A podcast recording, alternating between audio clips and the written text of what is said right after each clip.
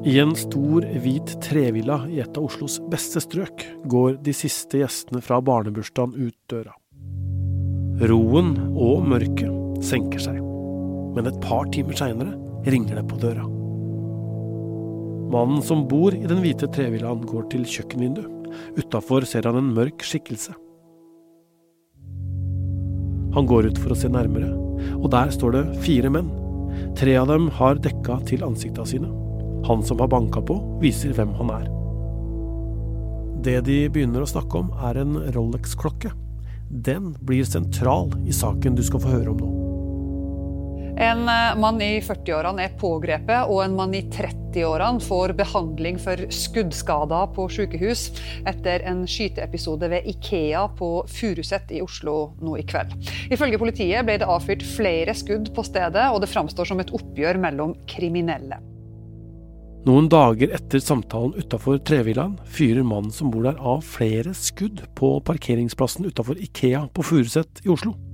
Politiet har eh, ja, drevet en, eh, en, klappjakt nå etter formente gjerningspersoner, og vi har nå pågrepet én person som vi kan knytte til saken her. Nå står han tiltalt for bl.a. drapsforsøk. Hva hadde skuddene med Rolex-klokka å gjøre? Og hvorfor ringte bjellene hos oss i Krimpodden da vi leste navnet Mats Vibe Lund? Jeg heter Tor Erling Tømt Ruud, og dette er Krimpodden i VG.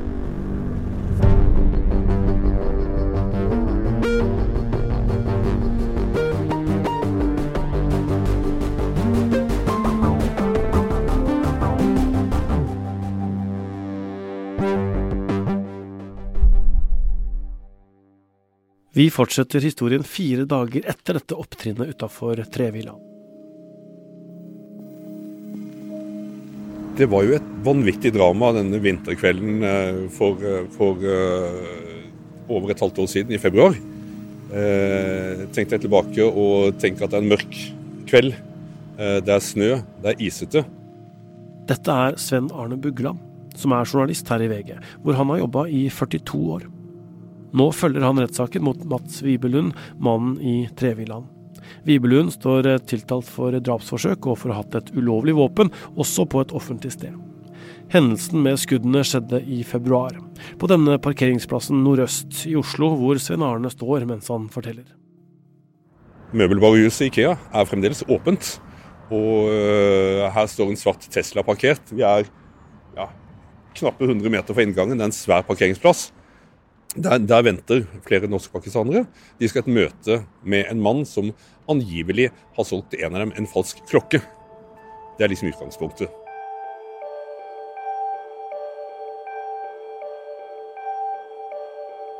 Klokka, altså denne Rolexen, grunnen til at den samme mannen, ifølge han selv, dukka på døra noen dager før. Nå skal de altså møtes igjen. Plutselig så kommer det da en, en stor Mercedes Gelendewagen en uh, luksuriøs svart bil uh, opp foran Teslaen. De står front mot front i mørket. Ut kommer en mann. Han har på seg en svær, røslig mann. Han har på seg skuddsikker vest, og han har et uh, fryktinngytende våpen i hendene. En automatrifle, en tsjekkoslovakisk militær rifle. Klokka er nesten åtte. Et hundretalls folk handler denne kvelden og kommer ut med handlevogner, servietter og lamper eller hva man kjøper på Ikea. Dette møtet foregår bokstavelig talt et steinkast unna hovedinngangen til varehuset. Det er Mats Wibelund, mannen i trevillaen, som kjører denne nyvaska Mercedesen, en gelendevagen. I bagasjen har han en hockeybag med noe inni som han ikke har lisens til å bære. Han øh, løsner raskt et skudd opp i luften, et skremmeskudd, som han sier. De reagerer ikke så raskt som han ønsker. Han ønsker å ta kontroll over situasjonen, det er målet hans. Eh, de trekker seg tilbake. De er de norsk-pakistanske mennene i Teslaen. De, de, vet ikke helt hva de skal gjøre, og kaster seg etter hvert ned bak Teslaen.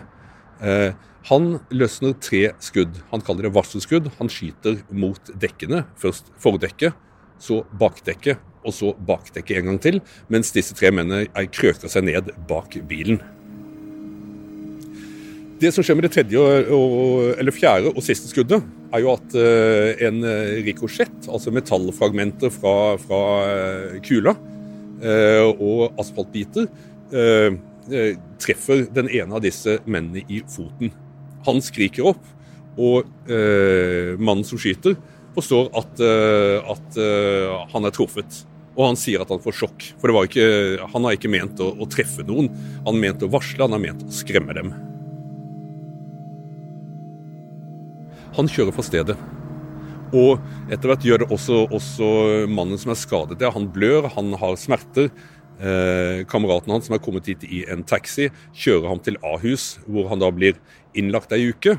Han andre kjører mer og mindre på måfå rundt omkring oppe ved Skedsmokorset og andre steder, og blir rett og slett pågrepet uten dramatikk av en eh, sivil eh, politipatrulje. Den tiltalte 44-åringen nekter straffskyld for drapsforsøk etter denne skytinga. Han hevder sjøl at han eh, bare skjøt varselskudd, og ikke sikta mot de tre mennene som ville møte ham. Det høres jo litt kryptisk ut, dette her. En Rolex-klokke, eller en falsk en. To dyre biler og skremmeskudd foran et åpent Ikea-varehus. Hva er det som ligger bak? Hans forklaring, da må, gå, da må, vi gå, noen døgn tilbake. Vi må gå tilbake til en barnebursdag hjemme hos Mats Wibelund, eh, som er i ferd med å gå mot slutten. Det er kveld, og eh, plutselig så ringer det på døra hjemme på Nordstrand i Oslo. Eh, utenfor står en eh, norskpakistaner han ikke kjenner. Litt lenger bak eh, er det flere menn. Vibelund har inntrykk av at minst en er maskert. Og han begynner å snakke om en klokke og en falsk klokke, som han angivelig skal da ha kjøpt, som skal stamme fra Mats Vibelund opprinnelig. Eh, Vibelund synes det er truende, ubehagelig og aldeles uh, uhørt at han får uh, menn på døra sent på kvelden hjemme hos seg selv, med familien innenfor, og prøver å, prøver å dempe dette. De blir enige om at de skal møtes, møtes eh, etterpå. Dette tar vi ikke nå, dette tar vi, dette tar vi etterpå. Slik at disse mennene forlater huset hans. Og mannen som, som eh, var ergerlig etter klokkekjøpet, sier han setter seg på Egon i seterkrysset og venter der på Mats Wibelund, som da ikke kommer den kvelden. I dagene etterpå har Wibelund og mannen litt eh, kontakt fram og tilbake. Han som møtte opp på døra, skal nemlig ha gjort det med et krav. Han vil ha oppgjør for denne Rolex-klokka som han har kjøpt og påstår er falsk. Han vil møtes fordi han mener det er Mats Vibe Lund som har solgt klokka til en annen kriminell, som igjen har solgt den videre til han. De har kjøpt en uh, Rolex Daytona-klokke til over 100 000 kroner av uh, en, uh, en barndomsvenn og en forretningsforbindelse av Mats Vibe Lund. Vibelund har vokst opp her på Furuset. Han kjenner miljøet. Han uh, har bakgrunn fra et ransmiljø, fra et uh, motorsykkelmiljø. Han er, eh, det er i den forbindelse han er for ungdomskriminalitet. Han er domfelt uh, for hva han gjorde da i, i 20-årene. Altså, han har kjøpt denne klokken av, av barndomsvennen og forretningsforbindelsen til Mats Vibelund. Og så får han da vite og oppdage at klokken han skal da betale over 100 000 for til sin eh, bror og kamerat, den er falsk. Og i stedet for å gå på mannen han har kjøpt av, så går han på mannen som opprinnelig solgte den til, nemlig Vibe Lund. Det er hans forklaring. Dette handler om klokke, dette handler bare om en klokke. Han er misfornøyd, han ønsker å finne en løsning på dette. Du har solgt med en uh, falsk klokke, så, så, dette må vi ordne opp i. Han fremstår som en uh, forsmådd klokkekjøper. Uh, det er det han vil fremstille seg selv som. Mens Vibe Lund mener at dette er en helt annen historie. Den helt eh, andre historien handler om heleri, altså det å kjøpe eller få noe som stammer fra kriminell virksomhet. En historie og en rettssak som eh, fikk en dom for rundt ett år siden. Da fikk eh, Mats Wibelund fem måneders fengsel for uaktsomt heleri av halvannen million kroner. Det skal også sies at han blei frikjent for hvitvasking i den samme rettssaken, men den dommen blei anka, og den nye er ennå ikke klar. Nå trekker Vibelund altså linjer fra denne hellerisaken til dramaet på Ikea, fordi han mener at de pengene han ble dømt for å ha mottatt den gangen, kom fra venner i et gjengmiljø. Dem har han forklart seg om og brutt kontakten med, ifølge han selv. Vibelund mener at det er disse som vil forsøke å få ham til å være stille. Det er helt riktig, fordi at han eh, Vibelund, som, som sier at han har skikket seg siden han for 15 år siden drev med kriminalitet, Han sier at han har skikket seg, han sier at han er selvstendig næringsdrivende. Han driver litt, han låner ut penger. Han, han ja, driver med litt forskjellige, forskjellige ting. Blant annet så, så, under den store pandemien så, så, så skal han gjøre det stort på import av antibac. Så Vibelund han, han skal hente inn flere titalls millioner kroner Eh, for å kjøpe antibac, som jo skal selges i Norge. Eh, og blant alle disse millionene så befinner det seg da noen millioner som er svarte. Eh, og det er bakgrunnen for helerisaken. Og den som, De som kommer den, disse svarte millionene, det er igjen en barndomsvenner av han, med bakgrunn fra gjengmiljø, og som kommer opp med penger som han selvfølgelig, ifølge ham selv, ikke ante var svarte.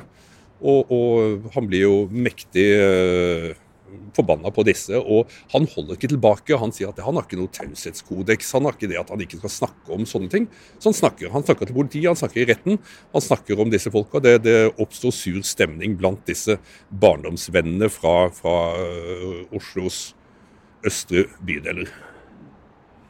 Uh, så for, for Vibelund så, så, han trekker dette tilbake. Han uh, føler at disse, disse, tidligere vennene hans de har begynt å komme trusler. De, de har, han opplever dette som ubehagelig. Og når møtestedet er Ikeas parkeringsplass, da eh, tenker Vibelund at da skjønte han virkelig at her sto han eh, i fare for å bli bortført, for å bli utsatt for vold. Han snakker om å bli stripset, han snakker om å bli filmet, han snakker om å bli fornedret. Det var det Mats Vibelund fryktet da han kom til parkeringsplassen her. Det var derfor han bevæpnet seg og iførte seg skuddsikker vest før møtet med disse karene. Mens øh, klokkekjøperen, for ham handler det bare om en klokke. Millioner og, og, og svindel og alt sånt. Han veit ikke hva de snakker om, for han handler om en klokke. Og Ikea Furuset, sier han, det er jo et sted med familier, det er et sted med massevis av kameraer. Han vil jo aldri finne på å gjøre noe vondt på, Ikea, øh, på parkeringsplassen på Ikea. Mens Vibelund fra barndommen husker alt fra en spritsmugler som ble slått i hjel her, til voldsepisoder, til, til annet. Så for han er parkeringsplassen på Ikea et øh, berykta sted. I en uke pågår rettssaken mot Vibelund, hvor han altså står tiltalt for drapsforsøk og for å ha hatt et ulovlig våpen, og også på offentlig sted. Som en del av saken drar alle aktørene ut fra salen i Oslo tingrett og til åstedet ved Ikea, der hvor skudda løsna. Der er fotballbanen. Ja. Ikke sant? Så da Og der er politiet. Vi skal på Klikk og hent, tror jeg. Ja, der er politiet. Produsent Vilde Våren i Krimpodden og Svein Arne Bugland er også med på den turen. Jøss, her var det mye folk. Her var det mye folk, ja. ja. Skal vi bare ja, Kanskje bare skal stoppe eller parkere her? Ja.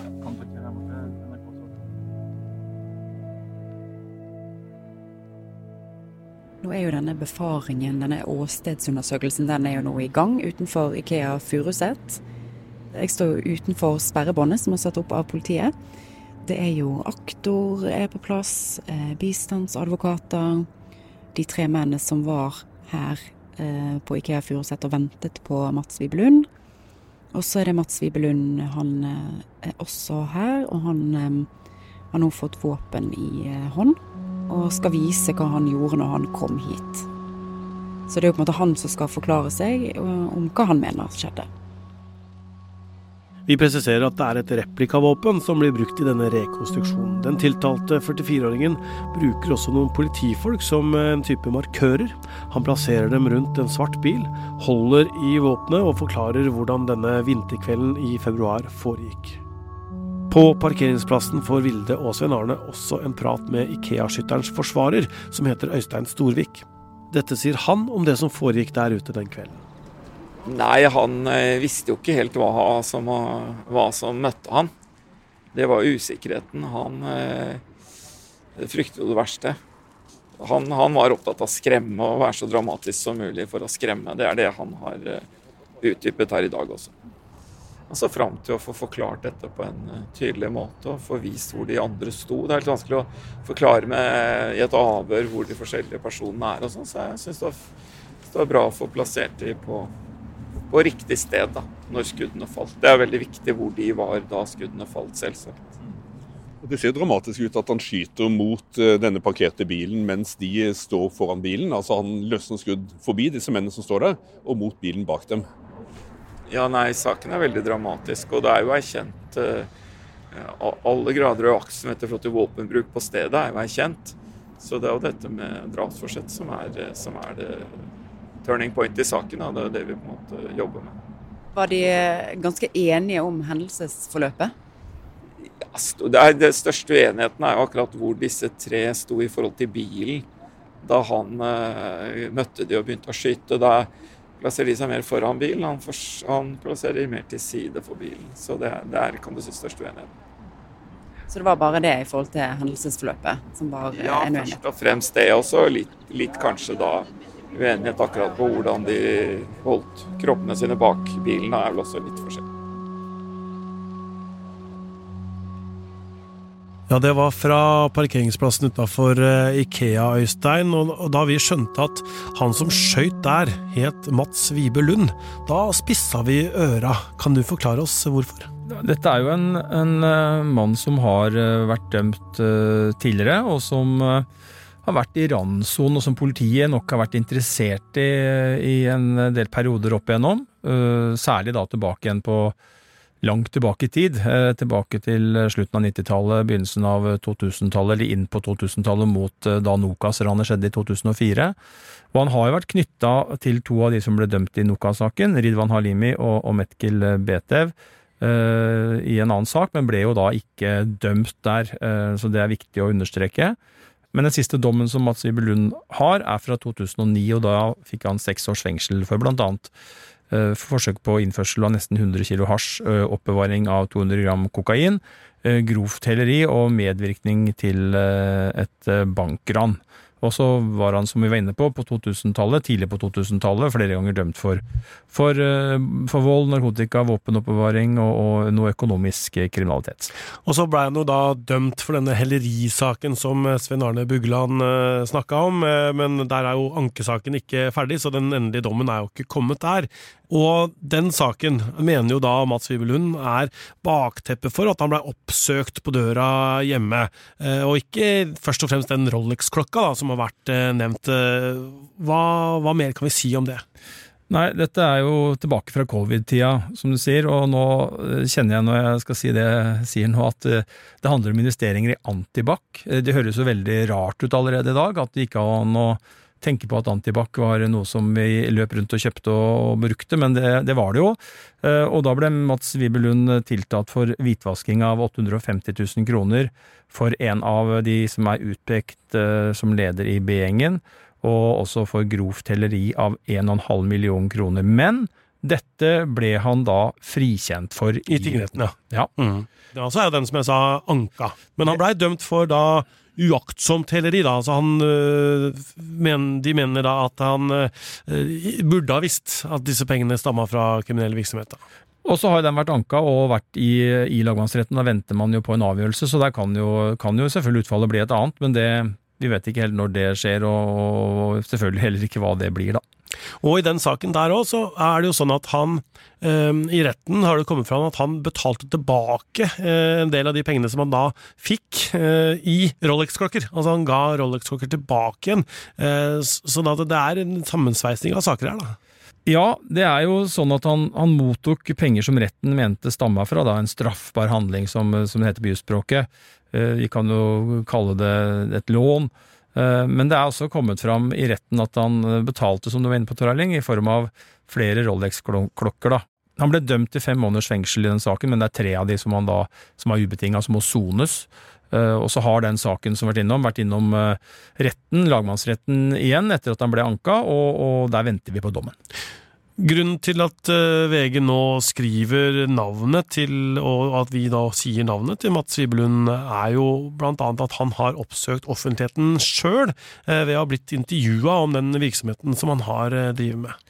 Ja, han var i en eh, artikkel i DN eh, for ikke lenge siden, og der eh, lot han seg intervjue, og fortalte da om hvordan han har fungert som det han kaller en, en megler i finansverdens gråmarked, som noen nok vil kalle det. Var flere profiler der som, eh, som politiet har hatt interesse av opp gjennom åra, som, som sto frem som, eh, som, meglere. Og Mats Wiberlund sier jo da at han blir leid inn for å løse konflikter som har låst deg fast, og at han da har oppdragsgivere som gir ham disse jobbene. Altså Den siste dommen er jo da fra 2009, og så har det liksom nå kommet opp noe nå i nyere tid. Og Mats Vibe Lund han sier at han har skikka seg og lever et lovlydig liv. Altså Hva slags troverdighet har han på det? Det er helt avhengig av hvordan retten vurderer denne saken. Ehm, det kan jo være vanskelig å bli trodd eh, sånn på generelt grunnlag når du havner inn i nye straffesaker. Eh, og her har jo da Mats Wiberlund blitt tiltalt også. Men så er det jo et spørsmål da om retten vurderer dette til at han ikke var å klandre, sånn som jo er utgangspunktet til Mats Wiberlund, at han blir trodd på det. Eh, om det da er snakk om et selvforsvar eller berettiget harm eller hva det måtte være, som gjør at han øh, kunne gjøre det han gjorde. øh, så vil jo logikken være, da, og da sier jeg hvis retten kommer frem til det resultatet, så vil jo logikken være at han ikke selv på en måte har skapt eller dratt seg inn i straffesaken, at det har blitt en naturlig følge av en situasjon som, som eh, førte ham dit. Og da eh, vil jeg jo tro at retten ikke eh, laster ham for å ha havna borti, borti det. Men hvis eh, dommerne følger påtalemyndigheten, eh, som jo mener at dette er et drapsforsøk, så er det jo generelt verre å bli trodd på at du har lagt noe bak deg Eh, det er mange som har sagt det opp gjennom årenes løp, at de har avslutta en kriminell karriere. Eh, og så har det ofte vært sånn at når du da dukker opp igjen og blir tiltalt for noe nytt, og kanskje også da, eller også dømt for noe, så eh, mister du jo troverdigheten din med tanke på Det er i hvert fall i fare for å miste troverdigheten din med tanke på at du har blitt en lovlydig borger. Da er det ikke sånn at, at hvis du da blir dømt for noe, og du har sona straffa di, så, så er det ikke på en måte helt hvitt ark da er det på en måte historikken din som fortsatt følger deg, samme hvor langt tilbake i tid det er. Ja, jeg tror vi skal være ærlige på det at en straffedom, den, eh, det er et sånt eh, et svart eh, merke på CV-en din som du aldri får bort. Den vil ligge der, men du kan gjøre veldig mye bra og skjøtte deg vel og Jeg kjenner folk som har blitt dømt for tunge, tunge ting, og som har fått toppjobber i i norsk næringsliv. Så det er ikke sånn at eh, toget, toget har gått. Men problemet er jo at du da har ikke så mye å gå på, øh, nødvendigvis. Det kan være at du Får du en til, så kan det hende at, har, at du har trøbbel med det, og får du to til, så øker jo enda mer sjansen for at ikke det blir lett da, å være et eh, lovlydig menneske, eller i hvert fall få de mulighetene som du kunne fått hvis du ikke hadde dratt på den straffehistorikken din.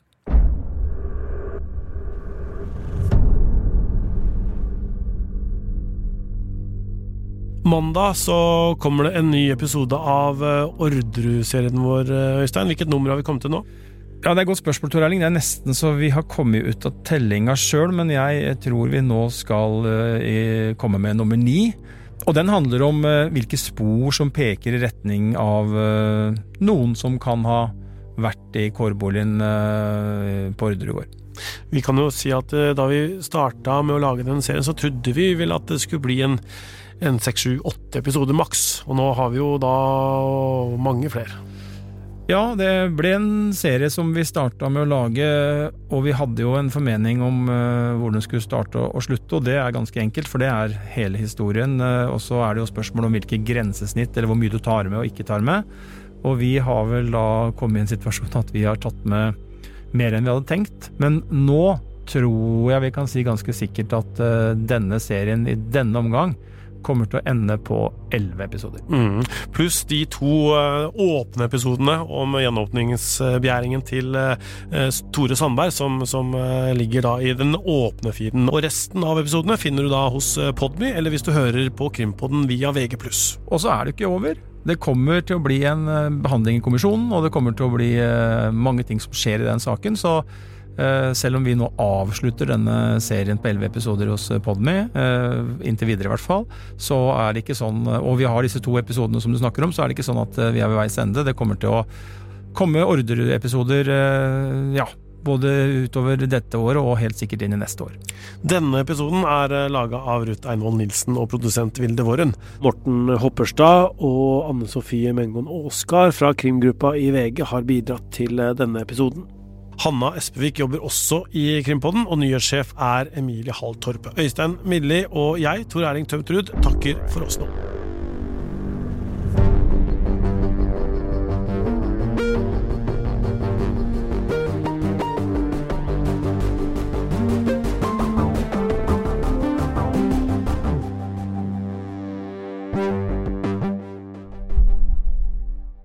Du har hørt en podkast fra VG. Ansvarlig redaktør, Gard Steiro.